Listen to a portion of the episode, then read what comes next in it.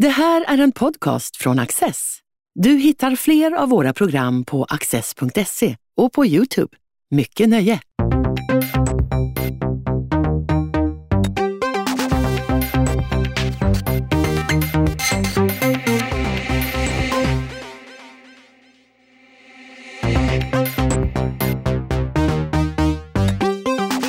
Anna Bäckström Lärneby är journalist och författare med bakgrund på bland annat Göteborgs-Posten och Sveriges Television.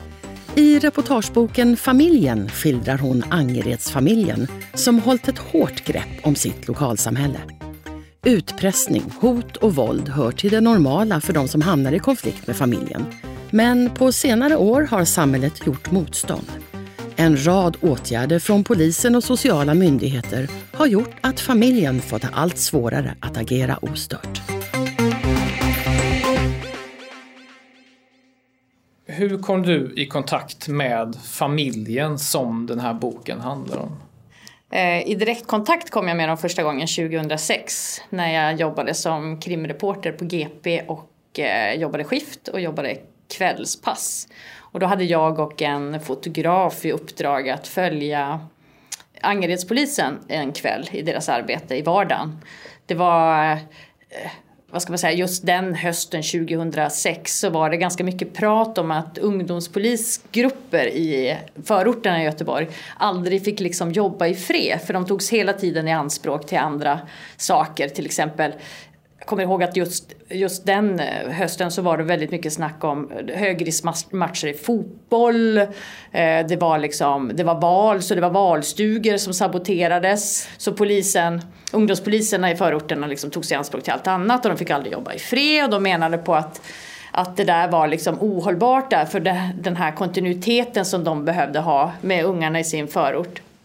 Eh, den var jävligt viktig och den kunde de inte upprätthålla när de hela tiden då skulle göra andra saker. Det blev som, ja du vet.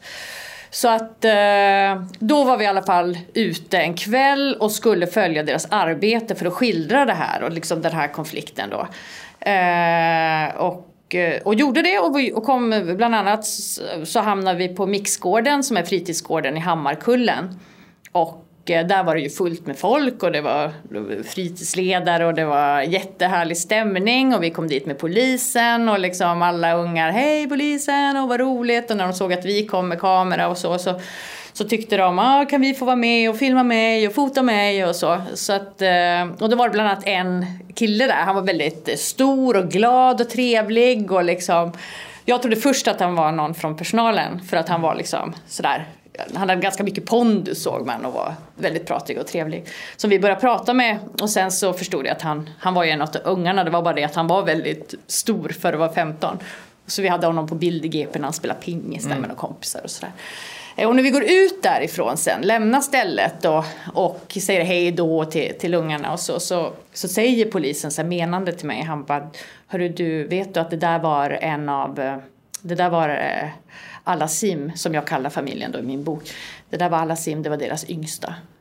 Ja, ja, ja, säger jag. Liksom, tänker inte liksom, alltså namnet sa mig ingenting alls just då.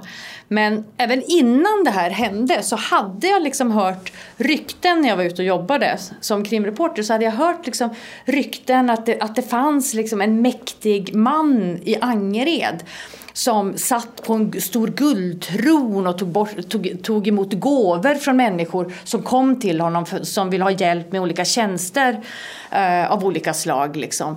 Och han var väldigt mäktig och, och, och, man hade stor respekt för honom. Och det här var liksom ett, ett ryck, alltså verkligen ett rykte, så här, nästan som ett sagorykte. Som jag hörde från lite olika, eh, olika håll när jag var ute och jobbade. Som jag egentligen inte tänkte något mer på mer än att jaha, ja, ja, så. Eh, sen så när jag träffade eh, den här eh, unga killen då som jag kallar Tarek i boken på fritidsgården så, så kopplade jag absolut inte ihop något rykte med någon guldtron med, med honom i första läget. Men sen så dröjde det bara ett par månader så, så blev han väldigt, väldigt illa knivskuren i Hjällbo som är liksom en förort som ligger precis i anslutning till, till Hammarkullen. Och eh, vi hade en notis om det på, på GP, minns jag i tidningen. På den tiden så var ju inte webben så himla stor som den är idag. Så, idag så att det var det liksom mest papperstidningen som gällde. Och när jag kom till jobbet på måndagen så fick jag reda på att det var Gud, det var ju han, det var ju killen mm. som, vi, som vi träffade på Mixgården. Och eh, jag tänkte, men oj, vad är det som har hänt? Och jag, och jag tänkte, jag får höra av mig på något sätt till familjen. Det är, eh, det är lite grann mitt sätt att arbeta. Så att, som krimreporter är man ganska mycket i händerna på myndighetspersoner och så. Eh, men jag har alltid valt att arbeta så att jag också har kontakt med andra människor runt omkring. Så att man får liksom en bredare bild än vad man får av polisen när man, när man arbetar som journalist. Så jag, jag sökte bara på liksom Eniro eller Hitta eller vad det var och, hit, och, eh, och fick tag i ett telefonnummer då till en eh, som jag tror, om jag minns rätt så var det hans storebror, en utav, nej det var nog hans kusin, äldre kusin som jag fick tag i. Och, eh, och, och förhörde, sa vem jag var och sa att jag, jag, vill, jag, jag är journalist på GP och jag hörde bara vad som hade hänt. Och vi, ja, vi hade honom på bild i GP, liksom, vi hade med honom och, och, och liksom beklagade och sa så här, men om du... Ja, han var jätteorolig, han kom från Salgrenska då där han hade besökt sin släkting. Så, så, så sa jag att eh, ta och hälsa honom från mig när han vaknar. Och, eh, och att jag hoppas han kryar på sig och sådär.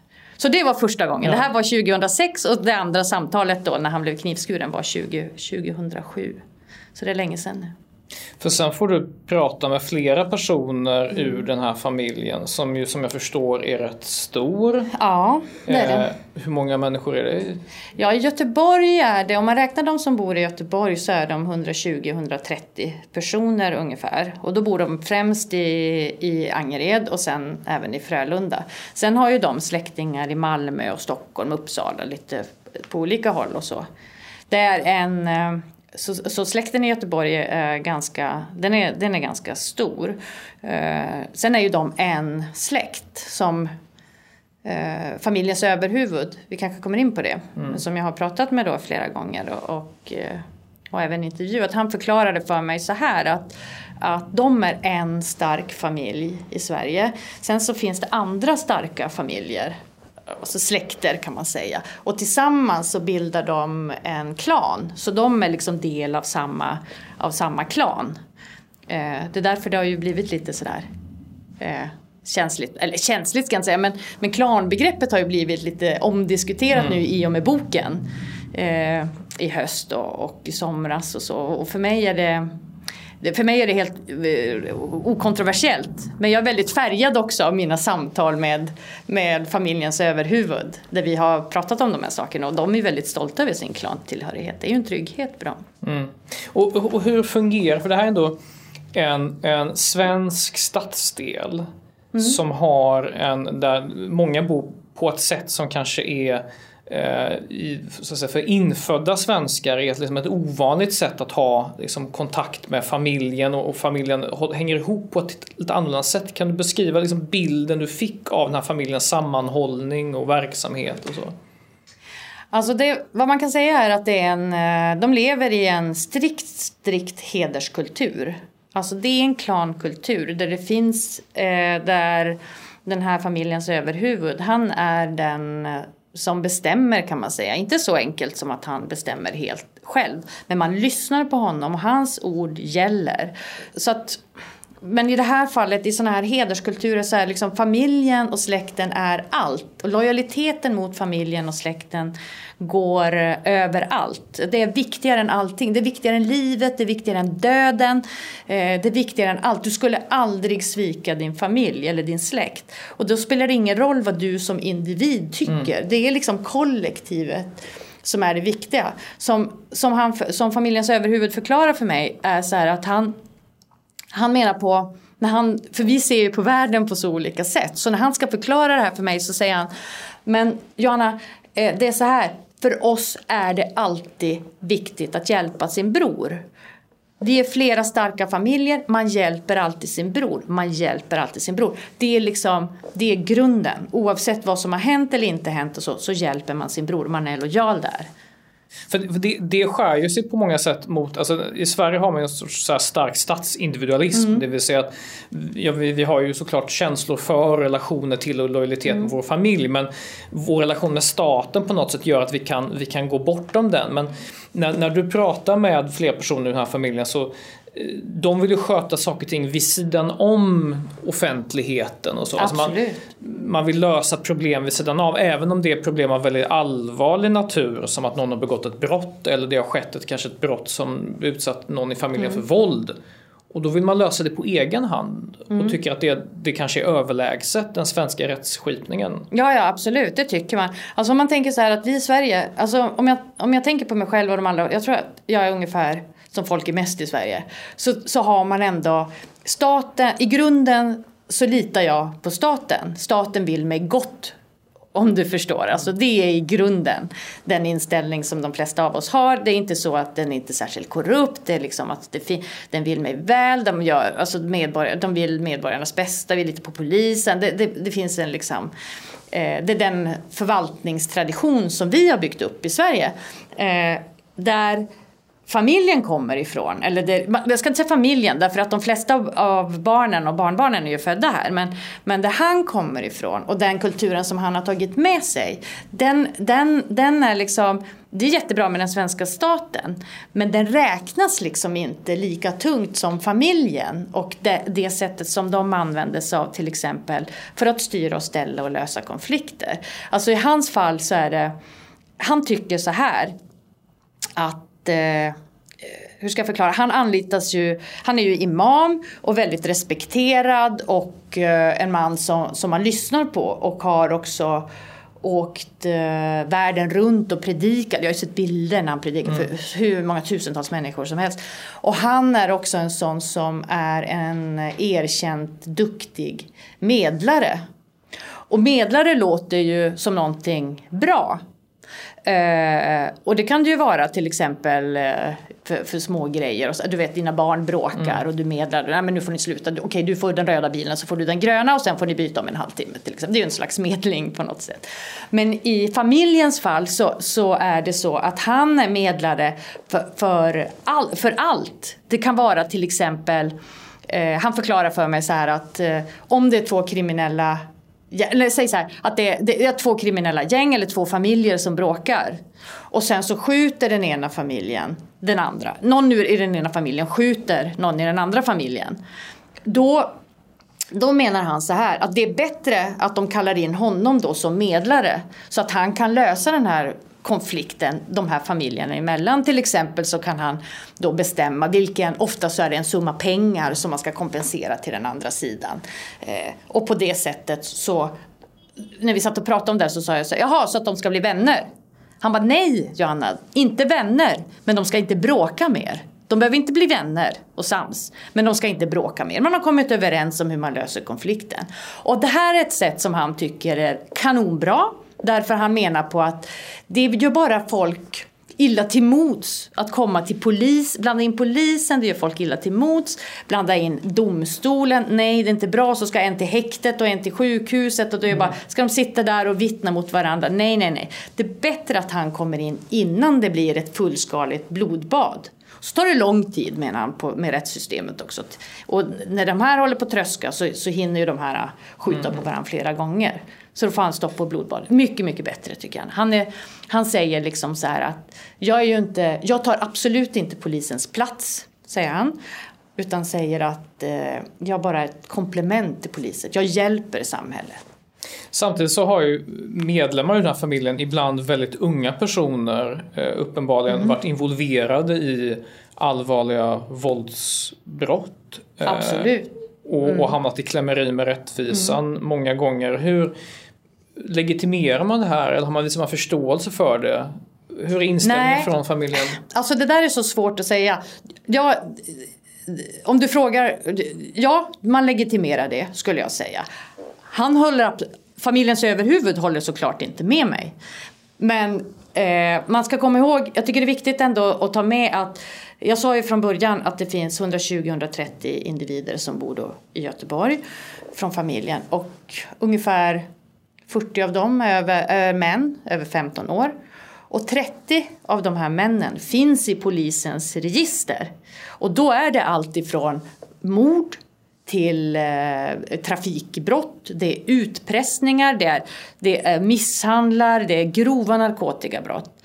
Så när jag säger i boken till exempel så säger jag ju vi pratar ju om maffia här. Vi pratar liksom om, en, om krimin, en, en, kriminell familj. Går jag ju så långt så att jag säger. Och jag menar på att det är så. Det är så. Det är nästan ingen i familjen som har beskattningsbar inkomst. Eh, men vad familjens överhuvud då säger när vi diskuterar det, för jag har ju intervjuat honom om det här flera gånger.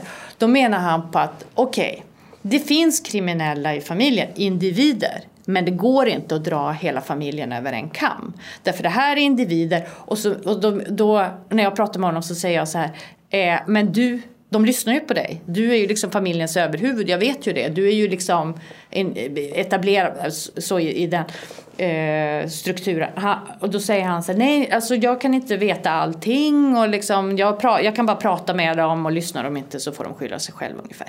Men, men det är klart att han, säg, det säger han till mig. Jag vet ju att han mycket väl vet om en mängd olika mm. saker som han, som han inte låtsas Men han är inte straffad, det ska man komma ihåg. Nej. Han själv är inte straffad för brottet. Han smutsar inte ner sina egna händer. Eh, så kan man se det.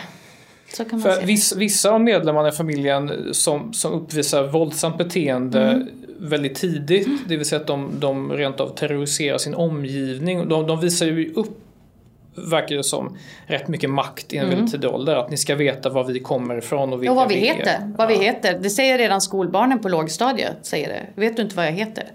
Mm. Så att, eh, och det vet, alla vet ju det. Alla är högst medvetna om det. Mm. Så att det är ju, och det är väldigt effektivt.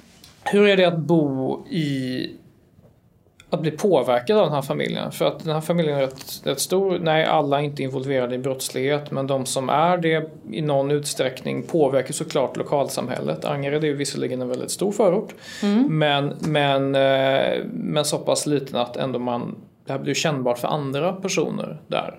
Hur, hur påverkas ja. de? Alltså det, det är väldigt olika. Jag har ju fått höra så här, ja men alla blir ju inte misshandlade av familjen alla sim. Nej, det är såklart inte alla blir misshandlade. De skulle ju inte ha tid med det. De är ju bara trots allt 130 personer om man nu ska skoja lite. Men vad det får för konsekvenser i en förort som, som Angered det är ju att när det finns en sån här stark familj som dikterar villkoren, som, som löser sina egna konflikter, som har ett parallellt samhälle, parallellt rättssystem, som har skött mycket av narkotikahandeln i, i området, som eh, lever rövare i skolorna och förstör för andra så gör ju att det är svårt att bedriva någon, någon bra undervisning i vissa skolor har det varit periodvis eh, på grund av att så mycket måste läggas på, på de här barnen. Du har liksom, jag har ju pratat med så många människor som bor där som, som liksom berättar sådana här saker i förbifarten Eh, som i mina öron eh, låter helt eh, sjuka men som för dem är bara en vardagsmening. Till exempel, nej men du vet när vi gick hem från dagis då gick vi in, nej men vi gick inte in på den trappan, vi brukar gå in den andra trappuppgången. Du vet de står och säljer knark där i våran port mm. så att jag tycker inte att det är bra. Vänta nu här, vad säger du? De står och säger, men det är ju liksom, det är ju, det är ju absurda saker. Men det, det är liksom som att det Eh, det har liksom normaliserats där i vissa delar att det inte det är liksom ingen stor grej fast det är en stor grej. Det är ju jättehemskt att behöva leva i ett område som har det så. Eller till exempel när det blir så att eh, eh jag menar, folk vill handla mat till exempel i mataffärerna som hela tiden tvingas stänga i olika omgångar därför att kanske blir de utpressade så de måste bara slå igen. Kanske är det så att, att eh, folk kommer in och lever över i butiken liksom, så att skrämmer iväg barnfamiljer så barnfamiljer väljer bort affären. Och då går det ju inte att bedriva någon affärsverksamhet där förstår man ju. Så då kanske de måste slå igen av det. Eh, på grund av det. Mm. Eller att du inte går ut efter ett visst klockslag. Inte för att någon säger åt dig att du får absolut inte gå ut när det är mörkt här på torget. Liksom, utan därför att du vet att det, det är väldigt obehagligt att göra det. det du, du vet inte vad du råkar se. Det, du, du vill inte vittna därför du vet inte vad som händer om du vittnar. Det är ju inte säkert att det händer någonting för att du vittnar mot någon.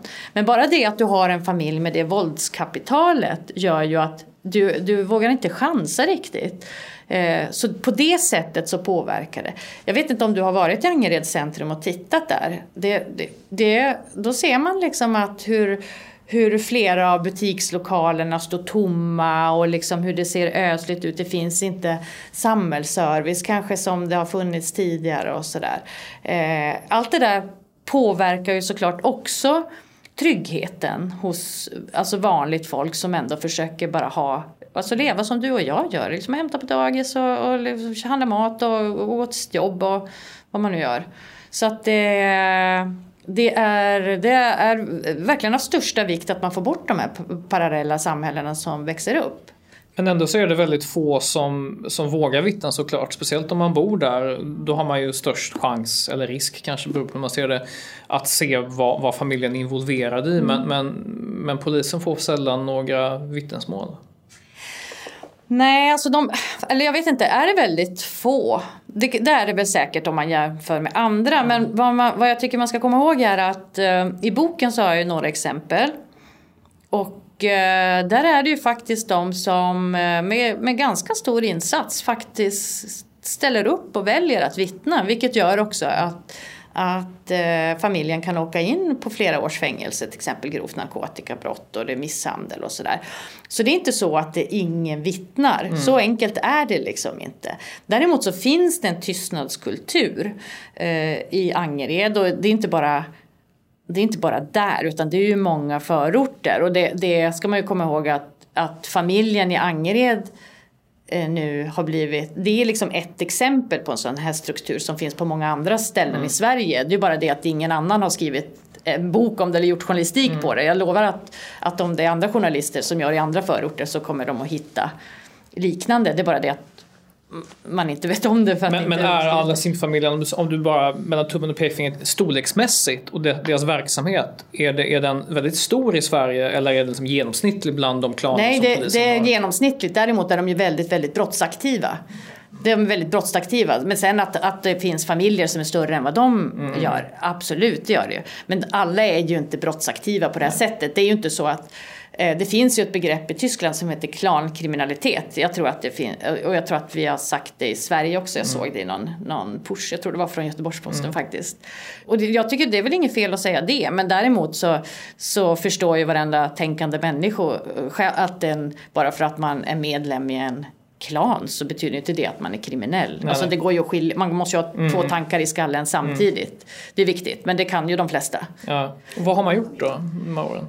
Ja, polisen har gjort sitt vanliga polisjobb. Mm. Det är inte så att de har börjat Nej. göra sitt polisjobb nu för tre år sedan. Det har ju de gjort hela tiden. Och de har ju satt familjen i, fängelse vid olika tidpunkter när de har begått grova brott.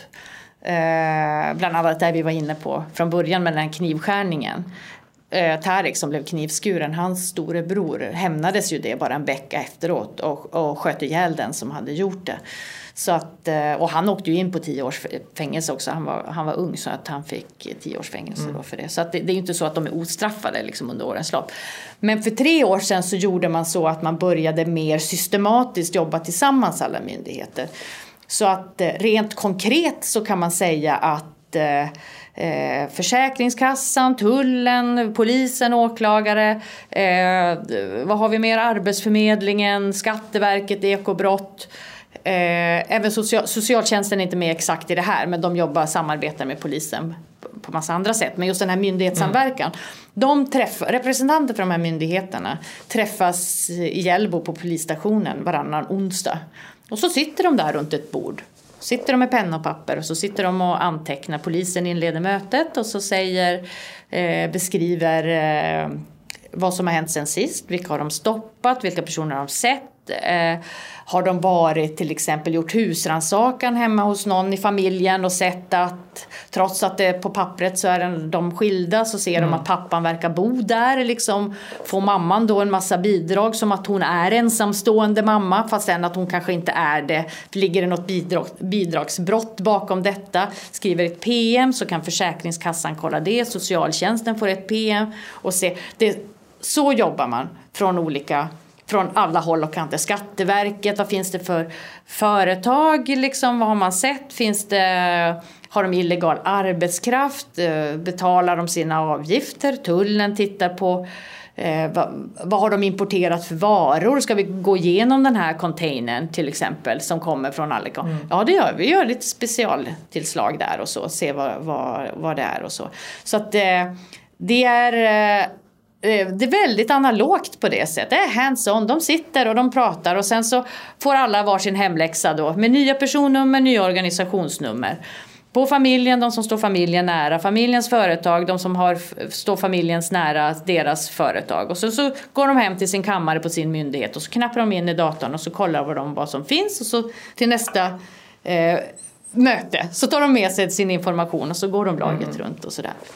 Och, och, det här är kännbart för familjen förstår det som. Alltså de de ja, verkar ju väldigt, tycka mm. det här är väldigt jobbigt mm. och att de är oskyldigt anklagade. Men det verkar ju få effekt för deras verksamhet. För det blir väldigt svårt att, att göra någonting. Ja absolut, de är, de är väldigt påverkade. Och det är inte bara för att polisen säger så. För polisen tycker alltid att alla sina mm. insatser är väldigt lyckade. Det, det, det hör man alltid mm. liksom. Vad de än har gjort så är det, nej men det var en väldigt lyckad insats.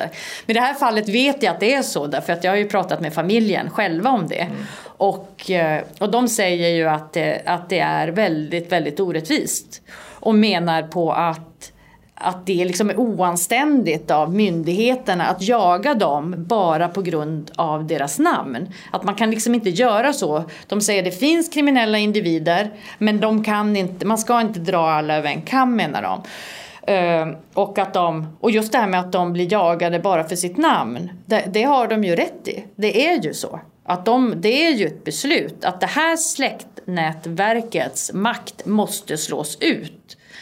Därför att lokalsamhället i Angered kan inte ha ett, ett sånt parallellsamhälle som är så starkt.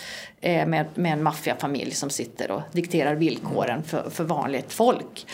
Eh, men de tycker ju såklart att det är, att det är orättvist. Och det, det kan man ju, det, det, tycker jag ändå att man, man får ha, kan ha förståelse för.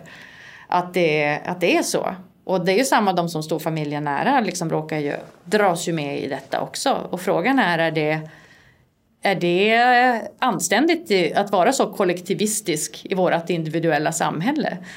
Det, det kan man ju ändå eh, det kan, tycker jag man ändå mm. kan åtminstone diskutera.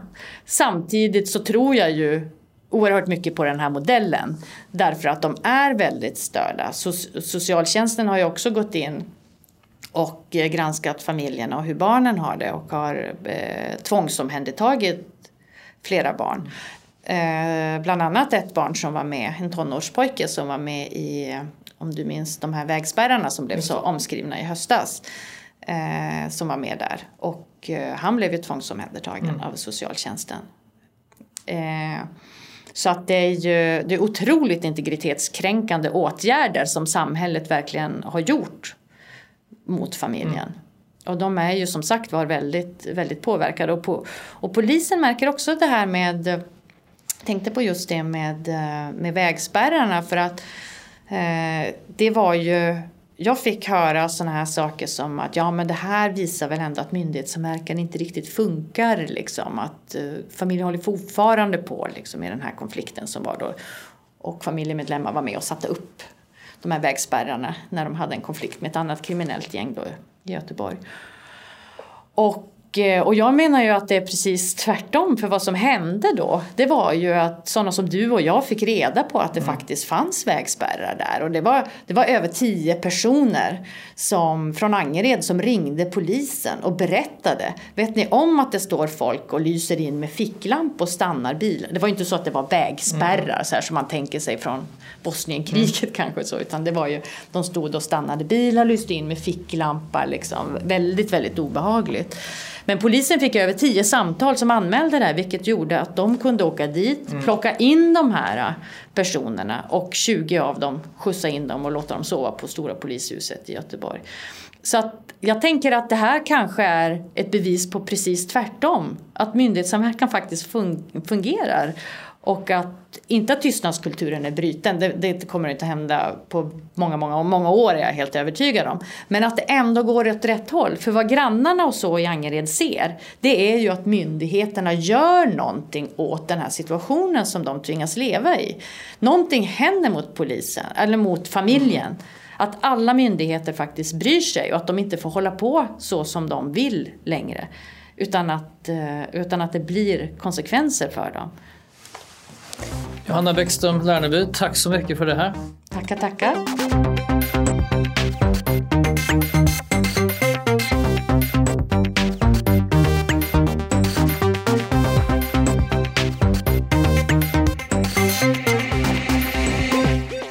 Du har just lyssnat på en podcast från Access.